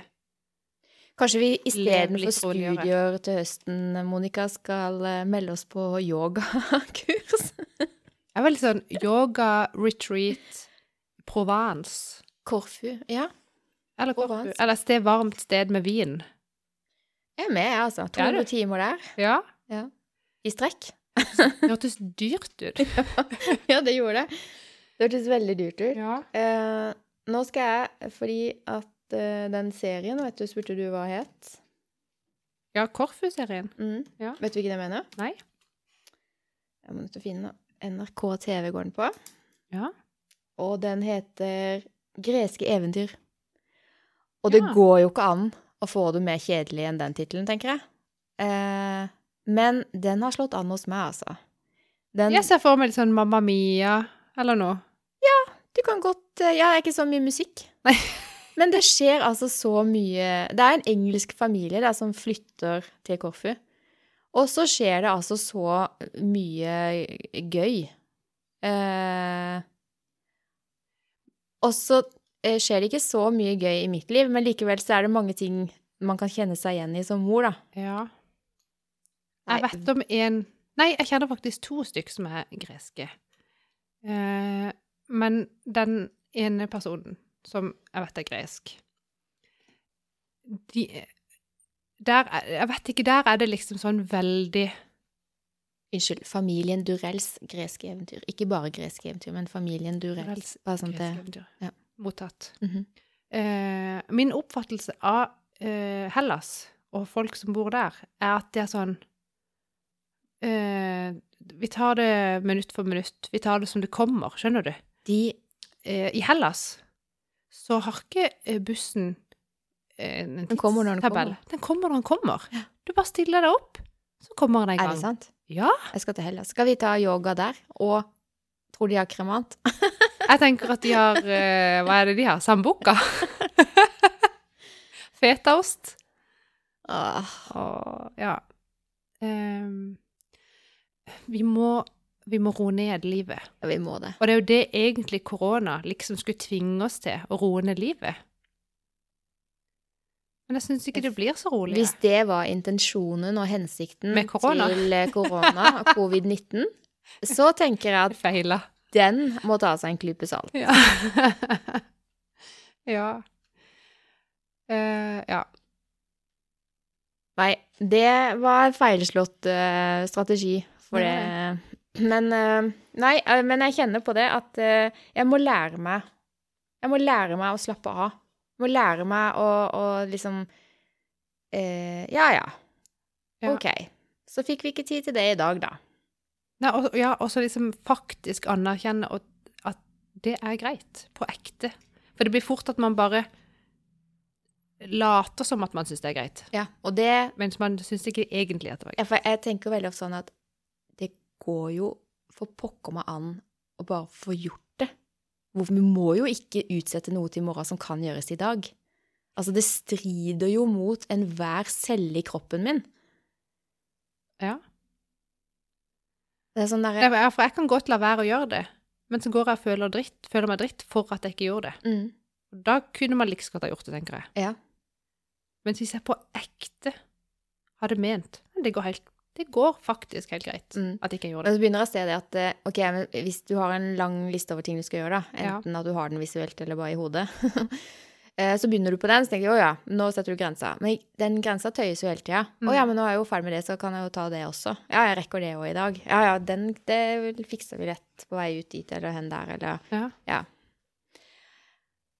Nei, det der er litt heseblesende. ja for, men det er sant, som jeg sa, du får gjennomført veldig mange ting.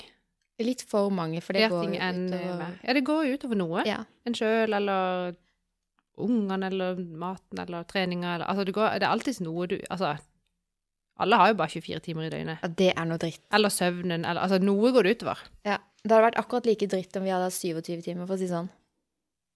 Ja, ja, ja. Uh, derfor tenker jeg, Nå har jeg faktisk tatt tak i den boka. Gjenta navnet på den. 'Når livet setter seg i kroppen'. Det er godt mulig jeg må lese den. Ja. Nå fant jeg, mens jeg rydda i alle bokhyllene mine Fy fader, så mye bøker jeg har. Det, det, Det er så sykt tungt å flytte på de bøkene. Eh, men da fant jeg den eh, som jeg fikk eh, The Unicorn. Ja. Så den må jeg jo få lest. Så nå la jeg den liksom klar. Den er jeg nesten ferdig med nå. Jeg vet ikke hvorfor jeg begynner på Jeg har sikkert begynt på åtte bøker, altså, om jeg ikke har fullført. Er det fordi det er så kjedelig, eller? Nei. Det er akkurat som at Det er akkurat som at At jeg bare har tenkt resten av boka sjøl. Å ja. Skjønner du? Det, At jeg tror din jeg egen slutt er mye bedre. Det er gøy. Jeg tok just en sånn personlighetstest. Og da så var et av spørsmålene Syns du at du er smartere enn andre? Eller bedre enn andre? Eller sånn. Husker du var smartere eller bedre? Ja, unnskyld. Og så var det sånn Jeg tror at ganske ofte så, så syns jeg det. Du skulle hatt sånn Det er veldig flaut! sånn løgndetektor på deg i det samme. Og det er så flaut. Uh, for Jeg tror det er mange som- Jeg tar med det noen ganger. Hva skulle du si? Jeg tror det er mange som Jeg tror det er mange som har det sånn. At de tror de er smartere enn de andre rundt seg. Ja, og det er jo veldig rart at jeg, at jeg tror det. Men det er sånn hvis eh, Si du hører en vits eller ser noe på TV hvor det er sånn, det ligger en sånn underliggende mening Det kommer ikke fram med klartekst. Mm. Så får jeg sånn at jeg tror Jeg får så behov for at jeg må forklare. For du Hva er, det betyr. du er den eneste som har skjønt det. har skjønt. Jeg er så dum. Og det kan, eh, men det er kjempemorsomt. Og så av og til når man gjør det, da, eh, så kan man få sånne kommentarer på at eh, det er ganske nedverdigende at du sier det, for det skjønte vi jo. Liksom sånn. ja. Ikke at jeg har opplevd det med deg, men jeg har opplevd det meg selv. At jeg prøver liksom å forklare, og så bare himler de med øynene. Ja, vi skjønte det. Ja. Så, Nei, heldigvis så tenker jeg det oftere enn jeg gjør det. ja, ja. For jeg tar meg i at OK, men hvis du skjønte det, Monica, så skjønte sikkert de det òg. Skjønner du? ja. Ja. Nei. Nei, det er flaut. Eh, Men det var jo liksom motsatt når vi var på studiet, for da var du jo veldig flink til liksom å Det sa du jo òg, at hvis det er ting du ikke skjønner, så, så eh, hvorfor, hvorfor det? Altså, da må du spørre uansett. Liksom, da bryr du deg ikke om Nei, jeg syns ikke det er flaut å innrømme at det er ting jeg ikke kan. Nei. Men da tror ikke jeg nødvendigvis at sidemannen min er så himla mye smartere enn meg. Jeg bare tenker at de kanskje ikke tør å si noe. Eller ikke sant? tør å innrømme det. ja, Ofte så er det jo sånn. Um, Vi bare konkluderer med det. Ja. Uff a meg. ja, det kan du si. Eh, nå har vi jo snakka lenge igjen, for egentlig hadde vi? jo notert eh, en ting til. Men det kan være vi skal flytte på den til neste, Hva var det? til neste gang. Det var den eh, med klesbransjen Å, ja. og returer i nettbutikker. Og miljøavtrykket. Kan vi gjøre det som en avslutning, eller er det Ja, vi kan det. Ja. Hvis eh, vi tenker at eh, Har folk tid til å høre på? Hvis ikke så bare setter på pause. kan på sette på pause. så kan dere skru på igjen okay. eh, senere. Lat som dette er en ny episode. Nå. Men igjen, eh, det er litt OK med litt lang Du vet jo at jeg liker å høre Selv om vi har posta det uten å høre det, Ja. så liker jeg å høre det, for vi kan jo slette. ja.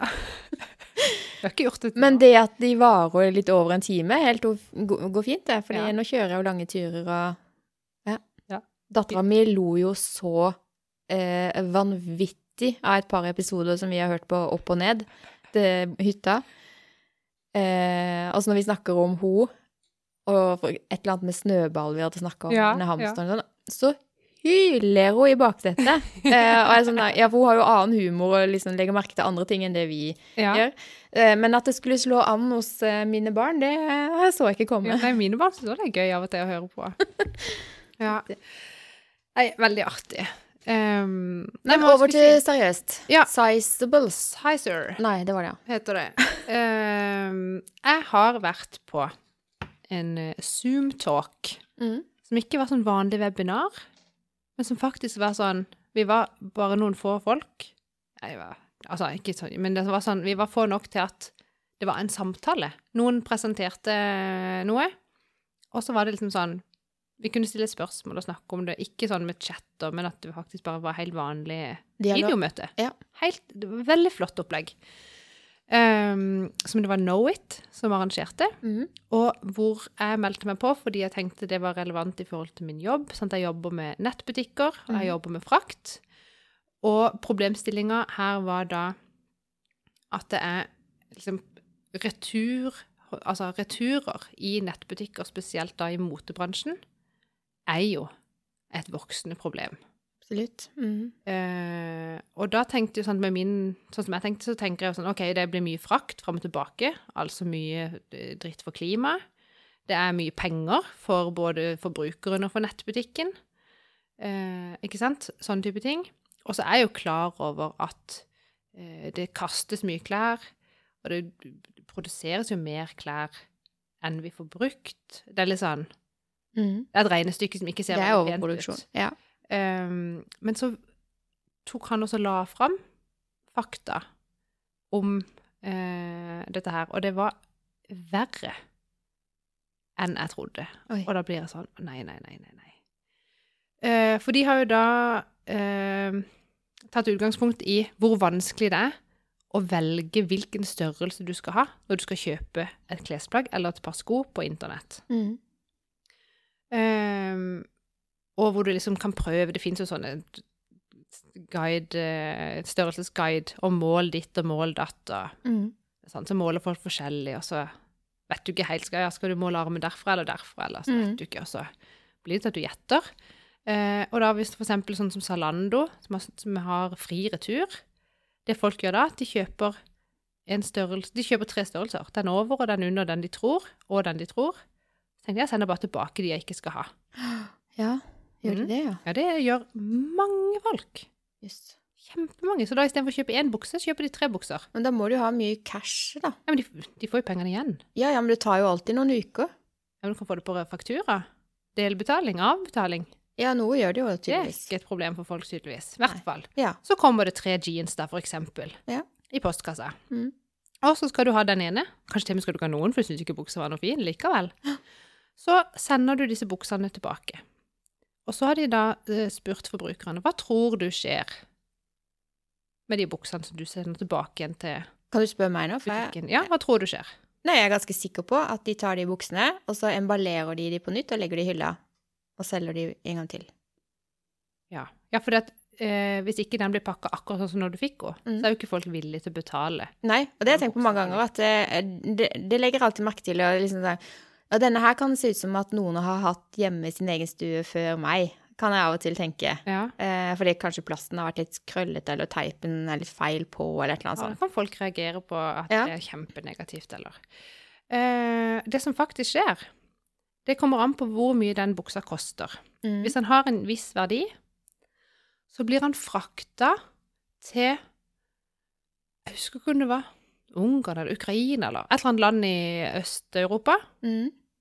Hvor det jobber folk med å emballere på nytt for at det skal se ut som nytt. De sender det da fra Tyskland, eksempel, og til dette her landet, hvor noen kan pakke det inn igjen for en billig penge, Mm. og så tilbake igjen til Tyskland, for så at det kan bli sendt på nytt. Det skjer med noen ting. Mm. Men sant, det koster jo penger. Ja. Så det er ikke sikkert det er lønnsomt å gjøre. Nei.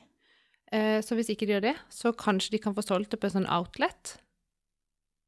Mm. Og hvis ikke de gjør det, så hiver de det. Og det blir hevet så mye tøy. Ja, vi snakker ikke liksom Fretex eller donasjon til fattige land, eller det kanskje gjør det med noe av det, men jeg tror det er sånne sinnssyke mengder med tøy. Mm. Og da er det sånn eh, For å lage et par jeans og få bomull nok til det Jeg husker ikke hvor mye vann det er som går mye? med, men det er mye vann. Ja. Så det er liksom Det krever helt vilt mye naturressurser Mm. for å lage den jeansen, Mm. som kanskje bare blir kasta på søpla. Ja. Og de eh, Liksom det som det påvirker da miljøet kan, Jeg husker ikke i sånn type utslipp Kan sammenlignes med mengden som det påvirker miljøet med all olja vi lager på norsk sokkel. Oi. Så mye går Så det hiver vi. Det er tøy vi hiver. Men hvorfor er det Det kan godt være det er mye informasjon uten dette ikke, her. Ja, men jeg har dette eh, Ikke det du sa nå om eh, retur og kast. Eh, for jeg har bare sett for meg at eh, hvis jeg har kjøpt noe på Zalando som ikke passer, og jeg må returnere det, Ja. eh, så er det noen andre som får det. Det er det samme som jeg har tenkt når jeg liksom Å, nå var den kjolestørrelsen der ute. Eh, vil du få beskjed når den kommer inn igjen? Så tenker jeg sånn, da har noen kjøpt feil størrelse, så byt, byttes den, og så får jeg muligheten til å kjøpe den, for den har kommet i retur. Sånn har jeg liksom alltid tenkt, da. Eh, men tror du det er forskjell, eller vet du kanskje også, om det er forskjell på eh, hvor store butikkene er? Altså Zalando nevnte du, men de er jo gigantisk store. Ja. Og de har jo noen kjøpsvilkår som er Altså, det bare med det fri frakt er jo helt fantastisk. Så at folk får muligheten til å handle mye og returnere mye, det ligger litt i korta. Men tenker du at det er annerledes for små bedrifter? ja, det tror jeg. Ja. Eh, og spesielt bedrifter som har hvor, Hvis du har en fysisk butikk ja. med en nettbutikk, Ja. så er det jo Da for det første har jo sikkert den, det plagget du har fått i posten, Mm. det har sikkert hengt i butikken allerede. Ja. Blitt pakka inn i silkepapir. Altså, ja. Og, og de, selvfølgelig kan de henge det tilbake i butikken. Men det betyr jo at vi som forbrukere, vi kan jo faktisk være med å bestemme en god del her.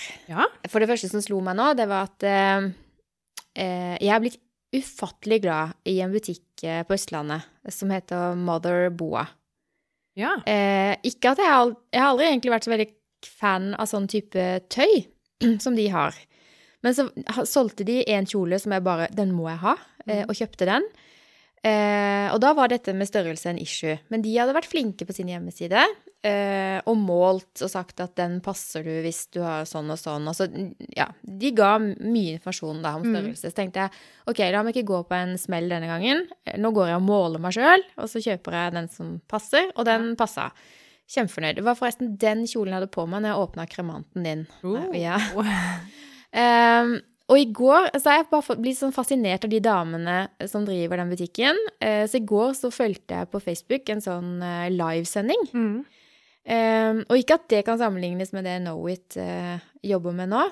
Men eh, der viser de tøyet på direktesending. Så står de to som jobber i butikken og snakker sammen. Viser, liksom holder opp Mm. og ser sånn og sånn. Og de som har kjøpt den, passer gjerne den størrelsen. Og, og de liksom eh, De veileder da på størrelser og Ja. og sånn. Og tenkte bare Wow, så kule de er! Så jeg måtte bare sende en melding. Utrolig bra konsept dere har starta her. Og ja.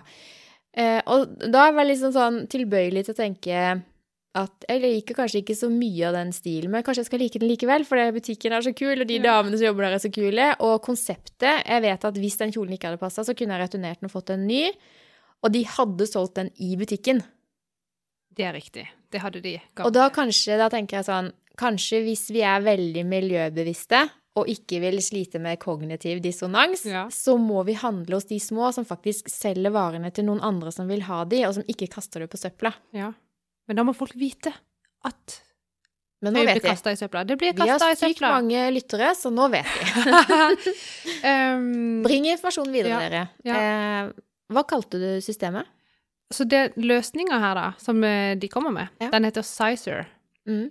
som da eh, For det fins Det fins jo eh, type sånne tilleggsapper og sånn, og smartfunksjoner, hvor du kan kanskje opprette en eh, profil, eller eh, For eksempel så har Nike lagd en funksjon hvor du kan få hjelp i Nike sin nettbutikk for å kjøpe akkurat riktig størrelse. På sko? Men da må du ha Ja, i, Ja. i sko. Men sant, da må du ha en løsning i den butikken og en annen løsning i den neste butikken, og da blir det så mange profiler som du skal opprette, så blir det sånn, det orker du kanskje ikke likevel, og så var det ja. kanskje ikke Nike-sko du ville ha, du ville kanskje Adidas. Ja. Kan de koble han mot LinkedIn-profilen? Ja, men sant, så da må du ha, du må ha noe som bare er, som er mye enklere da å forholde seg til, og at Ja. ikke det er sånn at du blir møtt med at du skal oppgi eh, kjønn og alder og vekt, og Mm. sånn, det første du liksom blir slengt i fleisen med, ja, hva veier du? Ja. Det er jo ikke så gøy. Ikke så veldig. Um, samtidig, ja, jeg vet ikke. Så konseptet her da, på Sizer, det er jeg kjenner jo ikke det skal lanseres til høsten. Er, nå er det i beta-testing, men jeg synes det høres veldig interessant ut. Får vi bare satse på at det ikke er hemmelig. jeg tror ikke det er hemmelig, det ligger jo ute på internettet. Ehm, ja, la oss se oss til høsten. Eh, men sant, konseptet her er at du får en, en profil som sammenlignes med andre profiler. Mm. Sånn at de på en måte leter etter din tvilling, på en måte. Mm. Og da ikke basert på at du har sagt at du er så høy og veier så mye, men som blir basert på hva du har kjøpt, og hva den personen har kjøpt. Og hva du faktisk beholder. Og hva du beholder, hva du ikke har Mm. returnert. Mm. Og, eh, og jo Ja, i hvert fall mye greier. Det er et veldig interessant konsept. Absolutt. da er det sånn, hvis jeg har kjøpt eh, eh, ting A og B, og du har også kjøpt ting A og B i samme, samme størrelse, Mm. sånn, ok, da er de like, skjønner du? Mm. Begge vi to har kjøpt det samme, og vi har Mm. beholdt det. Eh, og så har jeg kanskje kjøpt ting C, og så vurderer du den. Ting C, den vurderer du. Ja, for de kan se at jeg har klikka på den, eksempel? Ja, hvis du er inne på den tingen i en nettbutikk, Mm. så vil du få opp, hvis du da har denne profilen, så vil du få opp, eh, har du lyst til å få anbefaling på størrelse? Mm. Og da vil de se, ok, men hun har kjøpt det samme som hun, eh, og hvis vi to matcher på det, da vil jo mest sannsynlig du ha samme størrelse som meg i den tingen du ikke har kjøpt enda. Ja. Så vil du da kunne anbefale den, uten at hverken meg eller deg eller noen har måttet oppgi noen sånne voldsomme opplysninger om oss selv. Det er jo en fantastisk eh, idé, eh, tenker jeg da. Ja. Og spesielt for store eh, bedrifter, type Zalando og Mm. Um, Nei, det har jeg troa på. Eh, og da vil man jo kunne bli litt mer miljøbevisst, egentlig. Ja. Eh, og så må folk slutte å handle tre størrelser. Ikke at det er noe bedre å handle én størrelse og returnere to-tre ganger, da. Det er jo faktisk ikke det. Vi slipper unna med Nei, men noen tenker jo ikke på det i det hele tatt. Nei. Kanskje, eller kanskje det er sånn dissonans. At de egentlig tenker på det, men ah, det, var så det var så bekvemt, da ville så gjerne ha den buksa. Mm. Så vi får helt sikkert ta tre. Men de hadde, hadde de kjøpt tre, tror du, hvis de hadde visst at de to du ikke ville ha, kommer til å bli kasta i søpla? Det er jo en forferdelig eh, tanke, egentlig. Er ikke det det samme som å spise det grisekjøttet til den grisen du vet har hatt det dritt? Ja, men Jeg vet ikke. Ja, Men dette er jo ikke greit, Monica. Jeg vil ikke Nei. sende Nei, tilbake tøy som blir kasta på søpla.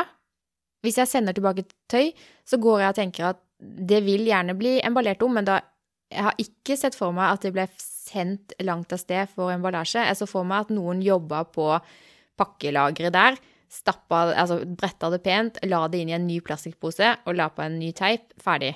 Nei, og jeg tenker jo, hvilken lønn får de som pakker om den, hvis de ikke har råd til å gjøre det i det landet de egentlig er i? Ingenting.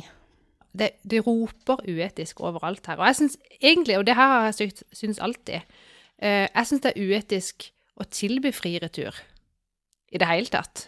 Nettbutikken burde ta ansvar og sagt nei, vet du, det koster faktisk penger. For da hadde kanskje litt færre gjort den der, i alle fall det der å bestille tre når du skal ha én. Så det er latterlig å legge opp det for at de skal tjene penger.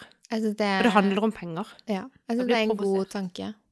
Eh, jeg kjente jo på det når jeg bestilte eh, kjolen, at eh, ops, det kom til kassa, så ble det lagt på 179 kroner i frakt. Så tenkte jeg det var ju- såpass! Ja. Jeg tror jeg skal ringe den butikken og si hei, vil du ha en bedre deal? Jeg syns det var dyrt, for den kjolen Ja, veier det var, nei, men det var det. ingenting. Det var veldig Eh, så tenkte jeg det er faktisk mer enn vi tar når vi selger en bergkile på over en Ja, men du har god fraktavtale. Det har tydeligvis ikke de. Nei, det må du gjøre noe med. Eh, men nå skal jeg skal være mer bevisst på det. Men så må jeg likevel sammenligne med hva det koster av energi og penger, da. For eksempel kjøre fra Søgne til Sørlandssenteret for å surre rundt der og shoppe, for kanskje å tilbake igjen seinere og bytte. Altså, det er jo kostnader forbundet med alt her, så det er sånn Hva er enklest? Ja. Men det er ufattelig digg når du bestiller noe på nett, og du får det Du henter det på posten, og så passer det. Altså, den følelsen der ja. Hæ? Det er digg. Det er digg. Altså, det er jo begrensa Eller det er ikke alle typer plagg jeg kan kjøpe på nett, bare fordi jeg vet det er ikke sikkert at det passer. Nei.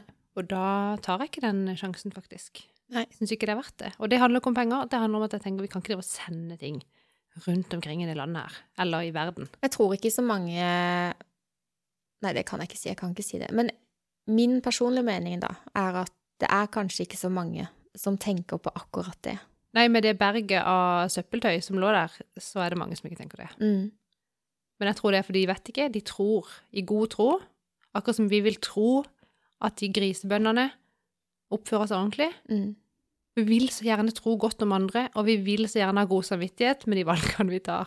Sant? Ja. Men hva skal være våre anbefalinger, da? Jeg tenker i hvert fall For min egen del nå, så skal jeg gjøre det som jeg ofte har tenkt, at heller kvalitet framfor kvantitet. Alltid. Um, kjøp fra små, lokale butikker Mm. som ikke kaster, Ja. og som emballerer selv. Ja. Selv om det koster noen kroner mer, tenker jeg. Og hva mer? Nei, jeg, jeg, jeg tror det er det det går på. Og at man nå kanskje kan Når det går på forbruk, da, så tenker man nå kan tenke Trenger jeg det egentlig? Ja, ja. At det er ikke bare å kjøpe, kjøpe, kjøpe. Ja, det er var så billig. Da gjør det ikke noe om jeg bruker det bare to ganger. Det, blir, det syns jeg er litt irriterende. Ja, for da vil det jo være så Hvis du går liksom ut og hyler at eh, ja, ja, vi må tenke på miljøet og sånn, og så er du kanskje den som bestiller mest billig for det er så billig, og returnerer Altså, da er det jo ikke samsvar mellom holdningene dine og handlingene dine. Nei. Så her igjen så er det jo eh, Forhåpentligvis så oppstår det en eh, dissonans her, da, sånn at du søker å få balanse her. Mm. Eh, Men igjen, hvis gevinsten er så stor at ikke det blir noen kognitiv dissonanse her, det, er så vil man ikke gidde å endre på den nei, og det er der jeg òg tror at de pengene styrer oss mer enn vi har lyst til å innrømme. Mm. Og at hvis du vet at du kan få eh, Altså hvis du kan velge mellom A og B, det du får er nesten helt likt. Du sitter igjen med masse mer penger i lomme, din egen lommebok hvis du velger den. Mm. Selv om det hadde vært mer miljøvennlig eller mer etisk riktig å velge den andre, så tror jeg at veldig mange veldig ofte velger det som er økonomisk gunstig for de sjøl. Mm. Og det er forståelig. Og det hender at jeg gjør det sjøl òg. Det må jeg innrømme. For jeg er ikke noe perfekt eksempel på noe som helst. Ehm, men jeg, jeg tenker det må skje noe lenger opp. Det bare, noen må liksom trø til litt, for her, det er jo de som har mest makt og har mest penger. Det er jo de, de bare bestemmer og ordner, så jeg vet ikke. de, de som tenker miljø og hyler høyest, de får jo drapstrusler. Så man, man vegrer seg jo for å dra det kortet i Norge. Ja. Jo, men du skal Jeg tenker for å være veldig miljøvennlig, så skal du faktisk ha litt penger for å få det til. Eller så skal du være sinnssykt bevisst Mm. og leve veldig sparsommelig. Ja. Og være sånn Hva da? Sånn Buddha, holdt jeg på å si. Skjønner du hva jeg mener? Sånn Ja. Jeg ser for meg sånn munk som skal eie ingenting og Ja. Ja, skjønner du hva jeg mener? Mm. Um, ja, at du skal være Du er, du er privilegert hvis Litt, du har eh, mulighet til å ta de gode Hva heter hun? Ja, Greta Thunberg. Ja. Jeg tror ikke hun eh, shopper så mye på nettbutikker. Tror heller ikke det.